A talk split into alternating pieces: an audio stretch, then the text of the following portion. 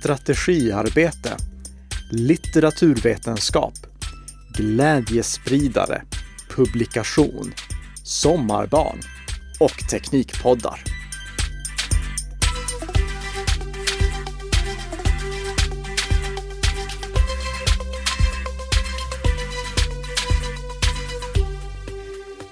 Ja, god morgon, god morgon och välkommen till Bli säker-podden som produceras i samarbete mellan Nika Systems och Bredband2. Och bakom mikrofonerna har vi precis som vanligt Tess Hamark och Karl-Emil Nicka som sitter här och försöker hacka Tess LinkedIn-konto. Va? Mm.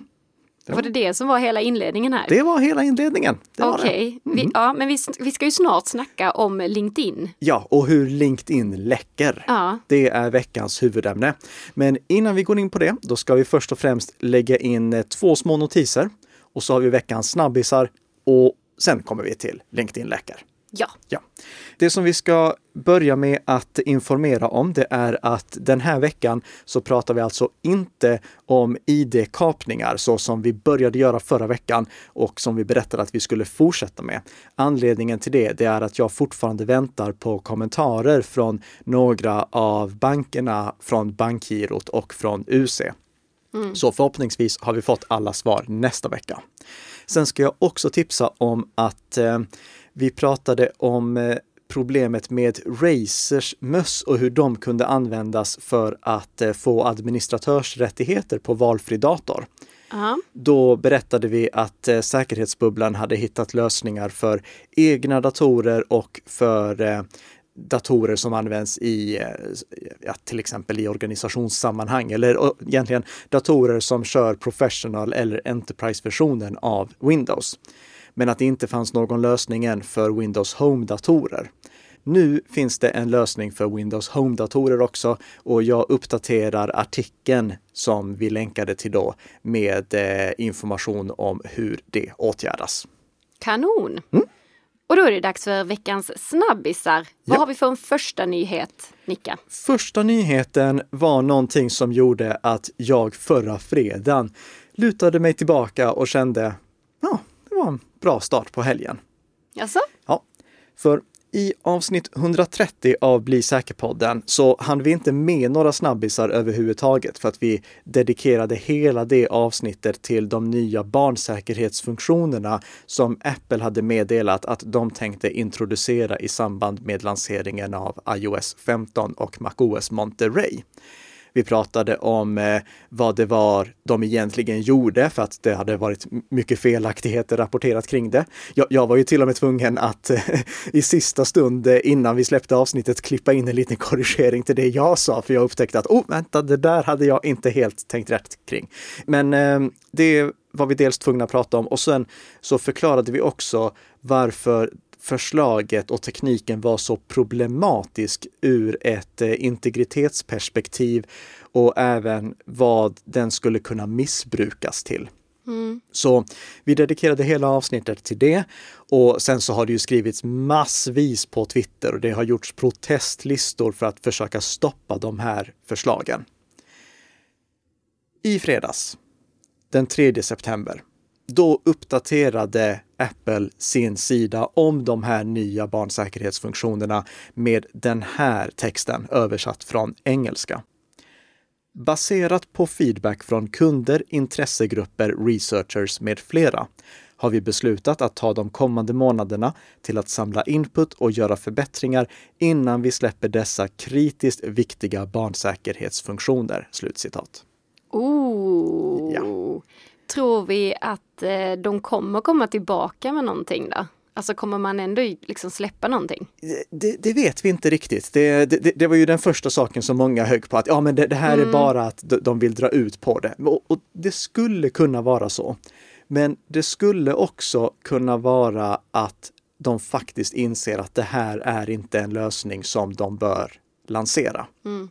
Apple hade inte kunnat gå ut och säga att okej, okay, vi hittade det här förslaget i dåliga förslagslådan. Det, vi, vi, borde inte ha plockat upp det därifrån.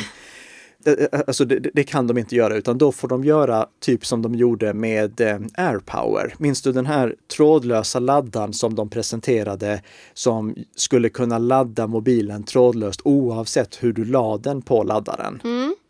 Den var en jättebra idé i teorin. Men Apple lyckades inte konstruera den i praktiken. Det, det blev för mycket värmeutveckling.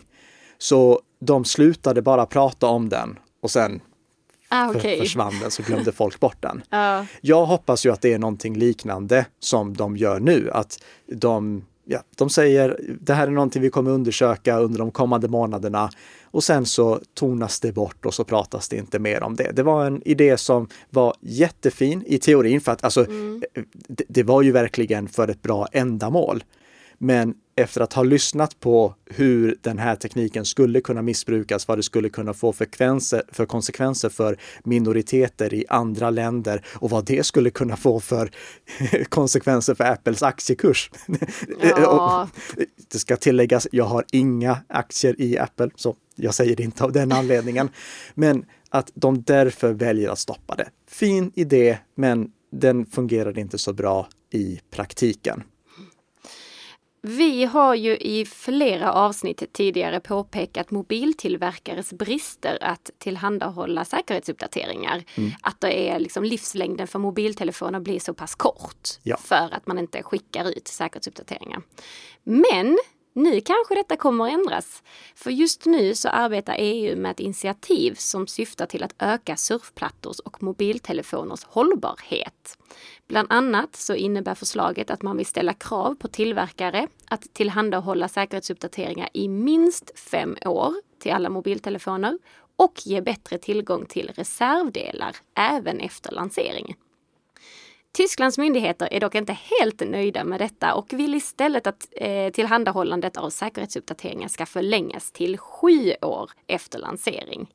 Och på så sätt så kan ju då livslängden i alla fall öka så att det nästan kanske motsvarar datorernas livslängd. Det är inte där än. Ja, om Apple och Microsoft fortsätter att förkorta datorernas livslängd så, så möts det snart. så möts de där. Exakt. Men det ska också sägas att alla är inte så förtjusta i varken EUs eller Tysklands förslag. Industriorganisationen Digital Europe, eh, vars medlemmar bland annat eh, är representanter från Google, Apple och Samsung, vill ju istället att kravet ska vara på tre år och endast kräva att batterier och skärmar ska vara tillgängliga som reservdelar. Vi får väl se om EUs eh, förslag blir antaget och i så fall så kan det komma att bli verklighet år 2023. Mm. Jag personligen, bara som eh, ett tillägg, mm. är inget fan av att sånt här lagstiftas kring. Nej. För risken med sådana här lagstiftningar är att det hämmar utvecklingen. Eh, om vi säger, eh, vi kan likna det vid förslaget att alla mobiltelefoner ska ha USB-C, ja. Att det blir en standardiserad laddkontakt. Jag tycker att alla mobiltelefoner idag ska ha USB-C och jag håller med om att alla mobiltelefoner bör få säkerhetsuppdateringar i åtminstone fem år. Jag tror inte att någon av våra lyssnare har missat att jag, jag, tycker att mobiltelefoner får för kort underhåll från sin tillverkare. Men ponera att det uppfinns en bättre kontakt än USB-C. Mm. Ponera att mobiltelefoner börjar underhållas på ett helt annat sätt än vad de gör idag. Så du är rädd att utvecklingen blir hämmad e av en lagstiftning? Exakt. Mm. Så jag skulle vilja dela ut veckans känga här. Till? Till de eh, mobiltelefontillverkare som inte har tagit sitt ansvar. Mm. För att er oförmåga att inte hålla era mobiler säkra gör nu att vi får tvingande lagstiftning. Mm, och det, det, det, är bra för att tvinga fram att det finns säkra mobiler. Mm. Och det är också någonting som gör eh, egentligen eh, det till lite mer rättvis konkurrens på marknaden. För de mobiltelefontillverkare som tar ansvar, deras mobiler blir ju dyrare än de mobiltelefoner som kommer från tillverkare som inte tar ansvar. Mm. Så det, det, det, blir mer rättvis konkurrens. Men lagstiftning, det är ju det sista verktyget. Ja, det är synd att det ska komma dit. Ja, det är mm. det. Mm. Så skäms på er. Verkligen. Mm. Ja. Men vi lämnar det. Yep. Är det dags att snacka lite Proton-mail igen? Ja, det är det.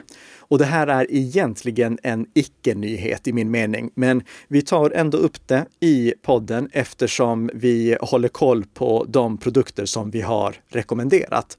Alltså till exempel Proton Mail, Bitwarden, eh, Signal, allt som skrivs om dem. Och nu i veckan då har det skrivits spaltmeter både i medier och i kommentarsfält om ProtonMail efter att de lämnade ut IP-adressen till en fransk aktivist som ledde till att den här aktivisten blev arresterad. Mm. Mm. Och då kan man fundera, hur i hela friden kunde ProtonMail lämna ut den IP-adressen? Det står ju på deras webbplats att som standard sparar vi inga IP-adressloggar som kan knytas till ditt anonyma e-postkonto fritt översatt eh, mm. till svenska.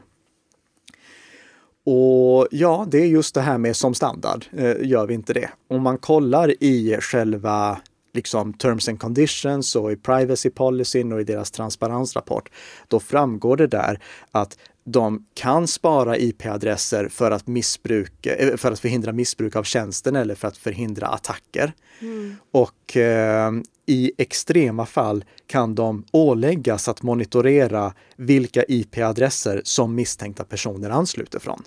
Och det var det som hände här. Mm. Men då är det bara IP-adressen? Det är bara IP-adressen och eh, vilken eh, klient som den här användaren anslöt från. Alltså mm. vilken mobiltelefon eller vilken webbläsare eller vilken dator, alltså okay. datormodell. Det, det, är det som de lämnade ut. De lämnade inte ut några mejl. Och det vet vi eftersom eh, dels det som står i rapporten, men också mm. för att de har inte åtkomst till mejlen. Mejlen lagras så att inte ProtonMail kan komma åt mejlen. För att ProtonMail ska kunna komma åt mejlen behöver de användarens privata nyckel. För att de ska kunna komma åt användarens privata nyckel behöver de användarens lösenord. Och användarens lösenord har de inte. Mm. Så det de har lämnat ut, det är alltså IP-adressen och information om den användarens enhet som han eller hon anslöt från.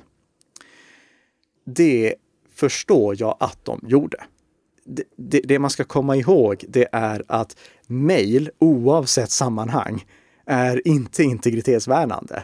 Och, och om du är orolig för att din IP-adress ska läcka, då ska du inte använda mejl överhuvudtaget. Det, då är inte e-post det rätta mediet. Och om jag ska ge någon kritik till Proton Mail så är det att det här med att ni påstår att det är anonyma e-postkonton, tona ner det lite. Mm. Um, ProtonMail säger själva att ja, du kan hålla dig anonym genom att ansluta via eh, anonymiseringsnätverket Tor, vilket de ska ha två tummar upp för att de överhuvudtaget tillåter. Mm. De hade kunnat blockera det. Men jag säger mer, mejla inte om det är så känsligt att din IP-adress är någonting som kan Mm. Att om den skulle läcka så hamnar du i fara. För att eh, våra lyssnare också ska känna sig trygga så vill jag bara poängtera vad som Proton Mail rent tekniskt kan komma åt respektive vad de inte kan komma åt rent tekniskt. Alltså att det inte spelar någon roll om de får lagkrav på sig att lämna ut det för att de inte kan lämna ut det. För det är alltid bättre att de förhindras på teknisk väg än på juridisk väg. Mm. Och det de kan lämna ut, det är då det som de har lämnat ut nu. De skulle också rent tekniskt kunna ta den metadatan som de ser om mejlen, avsändare, mottagare, ämnesrad, det som tidigare var sökbart. Okay. Re, rent, eh, det, det, som tidigare var det enda sökbara ska jag säga. Mm. Och om ni undrar vad jag menar med det, lyssna på förra veckans avsnitt. Rent tekniskt skulle de kunna lämna ut det, för det har de faktiskt åtkomst till. De skulle också kunna spara alla mejl som tas emot och skickas innan de sparas i ett sätt som gör att enbart mottagaren kan läsa dem. Ehm, så de skulle kunna spara alla de mejlen. Då har de innehållet också. Rent tekniskt skulle de kunna göra det, men det förhindras ifall man använder end-to-end kryptering med PGP som Proton Mail har stöd för. Då, ja, de skulle kunna spara mejlen, men de är ändå oläsbara. Mm, just det. Ja. Jag har en artikel om det här på Bli säker-bloggen också. Läs jättegärna den. Men jag ser det här som en icke-nyhet. Vår rekommendation kvarstår. Möjligtvis så eh, Proton Mail skärp er lite med marknadsföringen. Det, vi, vi, rekommenderar inte ProtonMail för att du ska vara anonym, utan vi rekommenderar ProtonMail för att du ska ha någonting som är säkert. Mm, gött! Då är det dags för veckans huvudämne. LinkedIn läcker. Vad är det som händer, Nicka? Ja, nu är det säkert många som tror att vi ska prata om attacken mot LinkedIn som inträffade för eh, ett decennium sedan ungefär. I maj 2012, då råkade nämligen LinkedIn läcka 164 miljoner e-postadresser och lösenord. Aj, aj, aj. De lösenorden var dessutom dåligt skyddade så de knäcktes på bara några dagar. Mm. Det är inte det vi ska prata om. Nej, Nej, jag ville bara slinka in den där. så vad ska vi prata om? Vi ska prata om någonting som jag också skriver om i höstens första nummer av Aktuell säkerhet. Mm. Nämligen hur LinkedIn och andra sociala medier kan användas för att samla in information om användare som sedan kan användas för att försöka knäcka användarens lösenord eller för att utföra någon typ av social engineering attack mot honom eller henne. Jag, jag tänkte vi tar Tess som exempel. Du sitter Ja, ju ändå här. på, Så Låt oss säga att jag nu då först vill knäcka Tess lösenord. Mm. Vad gör jag då? Jo, då tänker jag att, eh, nu var Tess ett dåligt val för att du, du har ju säkra lösenord, men ponera att du inte hade haft det. Ja. Ja, eh, då hade jag ju börjat med att testa lösenord som är vanligt förekommande och lösenord som eh, användare tenderar att välja för att de har någon personlig koppling till honom eller henne. Mm. Oavsett om det sker medvetet eller omedvetet så är det vanligt att vi tar ett lösenord som på något sätt har koppling till oss. För när vår mänskliga hjärna ska försöka hitta på någonting så är den ännu sämre än en dator på att hitta på någonting som är helt slumpartat. Utan det blir någonting vi ser eller någonting vi jobbar med eller någonting som vi tänkte på nyligen av någon outgrundlig anledning. Beyond Identity gjorde en intervju med tusen amerikaner, eller drygt tusen amerikaner, och frågade dem en hel del om deras lösenord. Och det ska väl läggas till att vi vet inte hur ärligt de här amerikanerna svarade. Så med den brasklappen sagt vill jag ändå berätta det som den här rapporten kom fram till. Och det var att mer än var tredje hade försökt gissa någon annans lösenord. Och av dem så hade tre fjärdedelar lyckats gissa rätt. Oj, Mm. det är ju jättemånga. Ja. Hur lyckades de med det? Ja, de två vanligaste sätten, det var för att eh, de antingen visste något om, om den här personen eller hittade information om lösenordet på sociala medier. Alltså Ah. personen hade valt någonting som var kopplat till honom eller henne.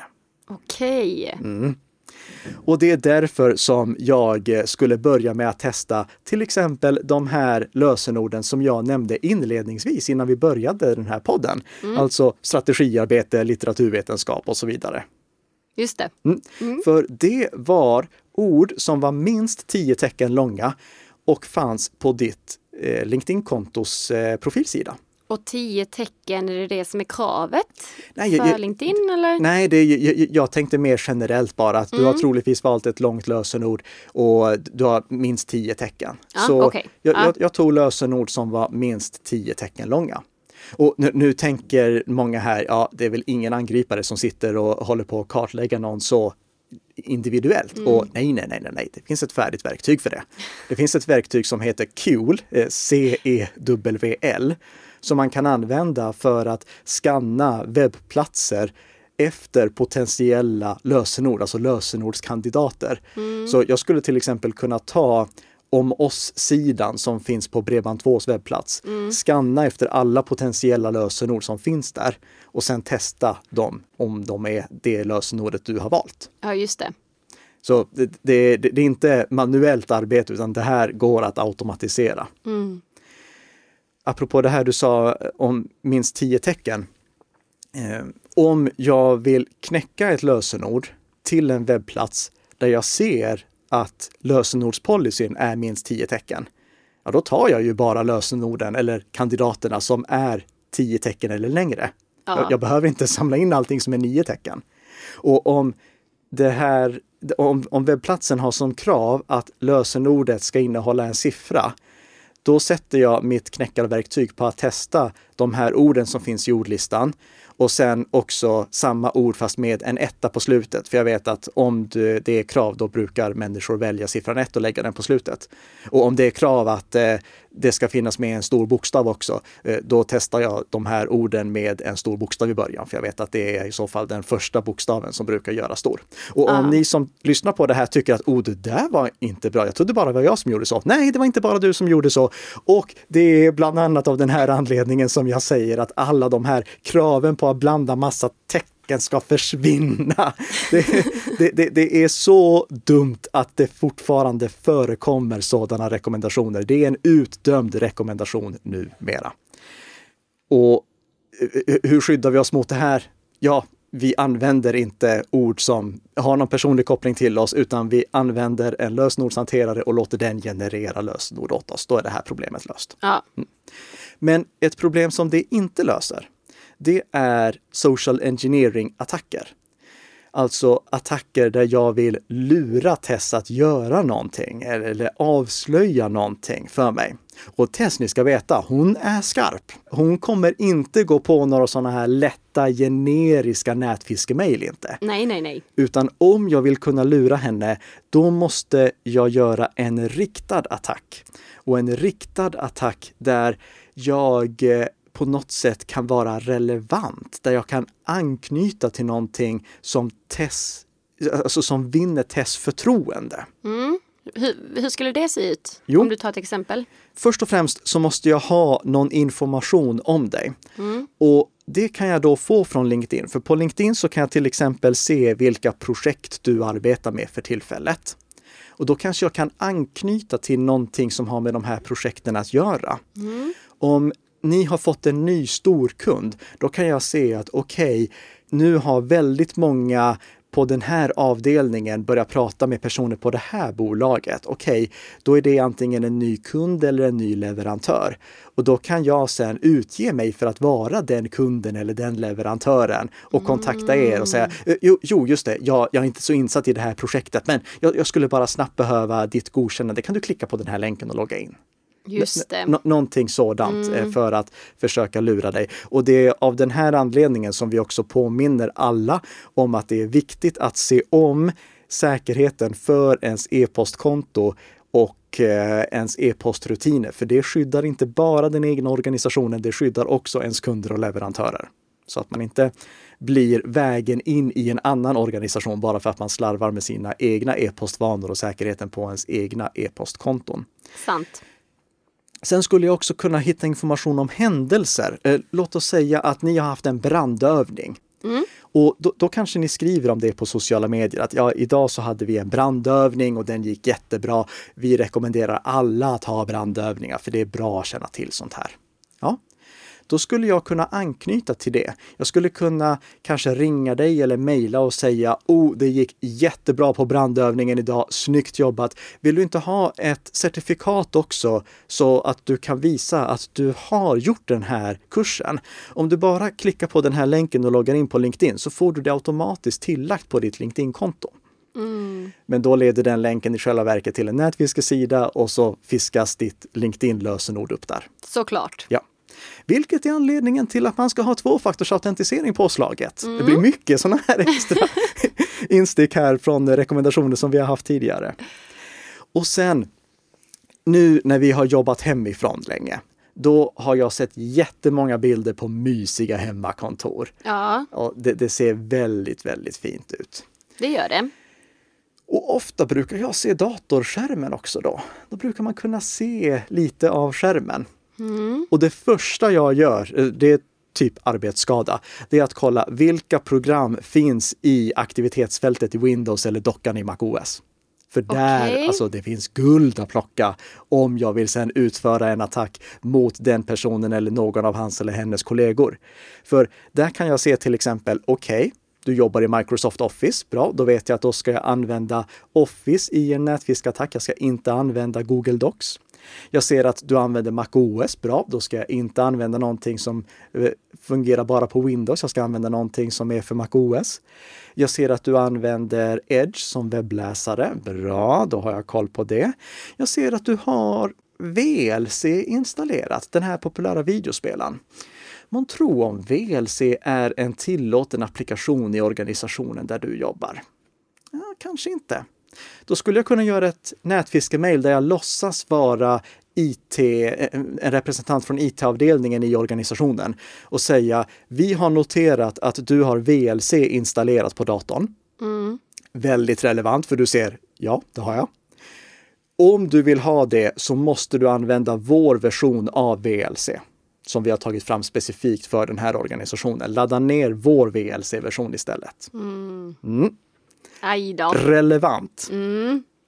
Om du har din, ehm, din inkorg uppe, då kan jag se lite mejl där. Då kan jag se vem du har kontakt med. Jag kan se eh, vad ni pratar om för tillfället. Om du visar ditt skrivbord, då ser jag namnen på dokumenten som du jobbar med för tillfället eller namnen på de mappar som ligger på skrivbordet. Det avslöjar vad du jobbar med och ofta vem du jobbar med. Mm. Och du vet, när det kommer nya versioner av eh, Word eller eh, Photoshop, då brukar Microsoft och Adobe byta ikon också. De brukar uppdatera den lite eh, så den ser lite, lite annorlunda ut. Göra den lite plattare eller göra den lite mer 3D beroende på vad trenderna är för tillfället. Ja. ja.